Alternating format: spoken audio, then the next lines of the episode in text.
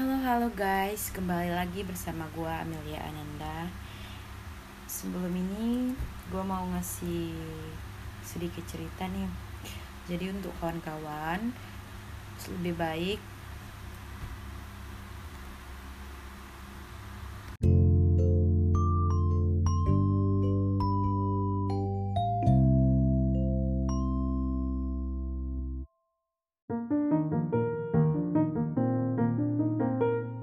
Assalamualaikum, halo semuanya. Semoga kalian sehat selalu ya, dan jangan lupa bersyukur buat hari ini. Oh iya, sebelumnya aku mau ngingetin nih, buat kalian yang sering keluar rumah atau beraktivitas di luar rumah, jangan lupa pakai masker ya, dan rajin cuci tangan juga. Masa jaga kesehatan aja gak bisa, apalagi jagain doi. Jadi kenalin nama aku Amelia Ananda dari Prodi Perbankan Syariah Universitas Muhammadiyah Riau. Jadi aku bakal share-share sedikit pemahaman aku tentang pasar monopoli dan pasar oligopoli. Pasti kalau udah udah nggak asing nih dengan kedua pasar ini. Jadi pasar monopoli adalah suatu bentuk pasar di mana hanya terdapat satu penjual dalam satu pasar dan penjual tersebut juga sebagai penentu harga yang akan diberikan kepada konsumen. Selanjutnya yaitu ciri-ciri pasar monopoli. Pertama yaitu produknya unik kayak sifat doi ke aku. Oke, yang kedua yaitu hanya terdapat satu penjual. Dan yang ketiga, terdapat halangan untuk masuk bagi penjual. Agak pelik juga ya ini pasarnya.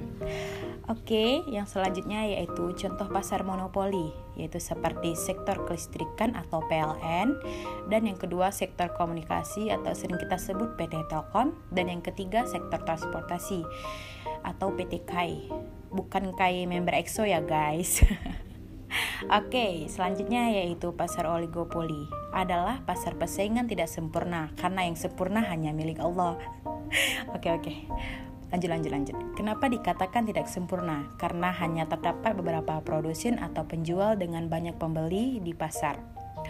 Selanjutnya yaitu ciri-ciri pasar oligopoli. Yang pertama, memiliki dua produsen atau lebih. Tapi kalau bisa dua aja ya guys, karena kalau bertiga itu sakit. Ya ampun, curahan hati wanita yang tersakiti. oke oke, yang kedua lanjut yaitu harga barang hampir sama.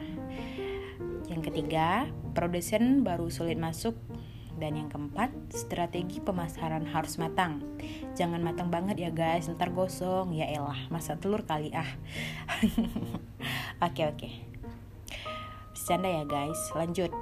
Yang terakhir yaitu contoh pasar oligopoli seperti industri motor atau pembuatan motor.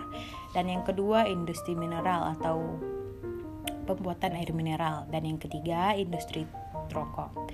Yaitu pembuatan rokok seperti di jarum atau perusahaan sempurna gitu. Dan ya, perusahaan-perusahaan lainnya Oke okay guys, sekian dulu ilmu sedikit yang aku berikan. Semoga bermanfaat ya untuk kalian. Pergi ke kampung, jalan terbelah. Pohon jatuh, aus menimpa. Jika ada salah kata, maafkanlah. Assalamualaikum dan sampai jumpa.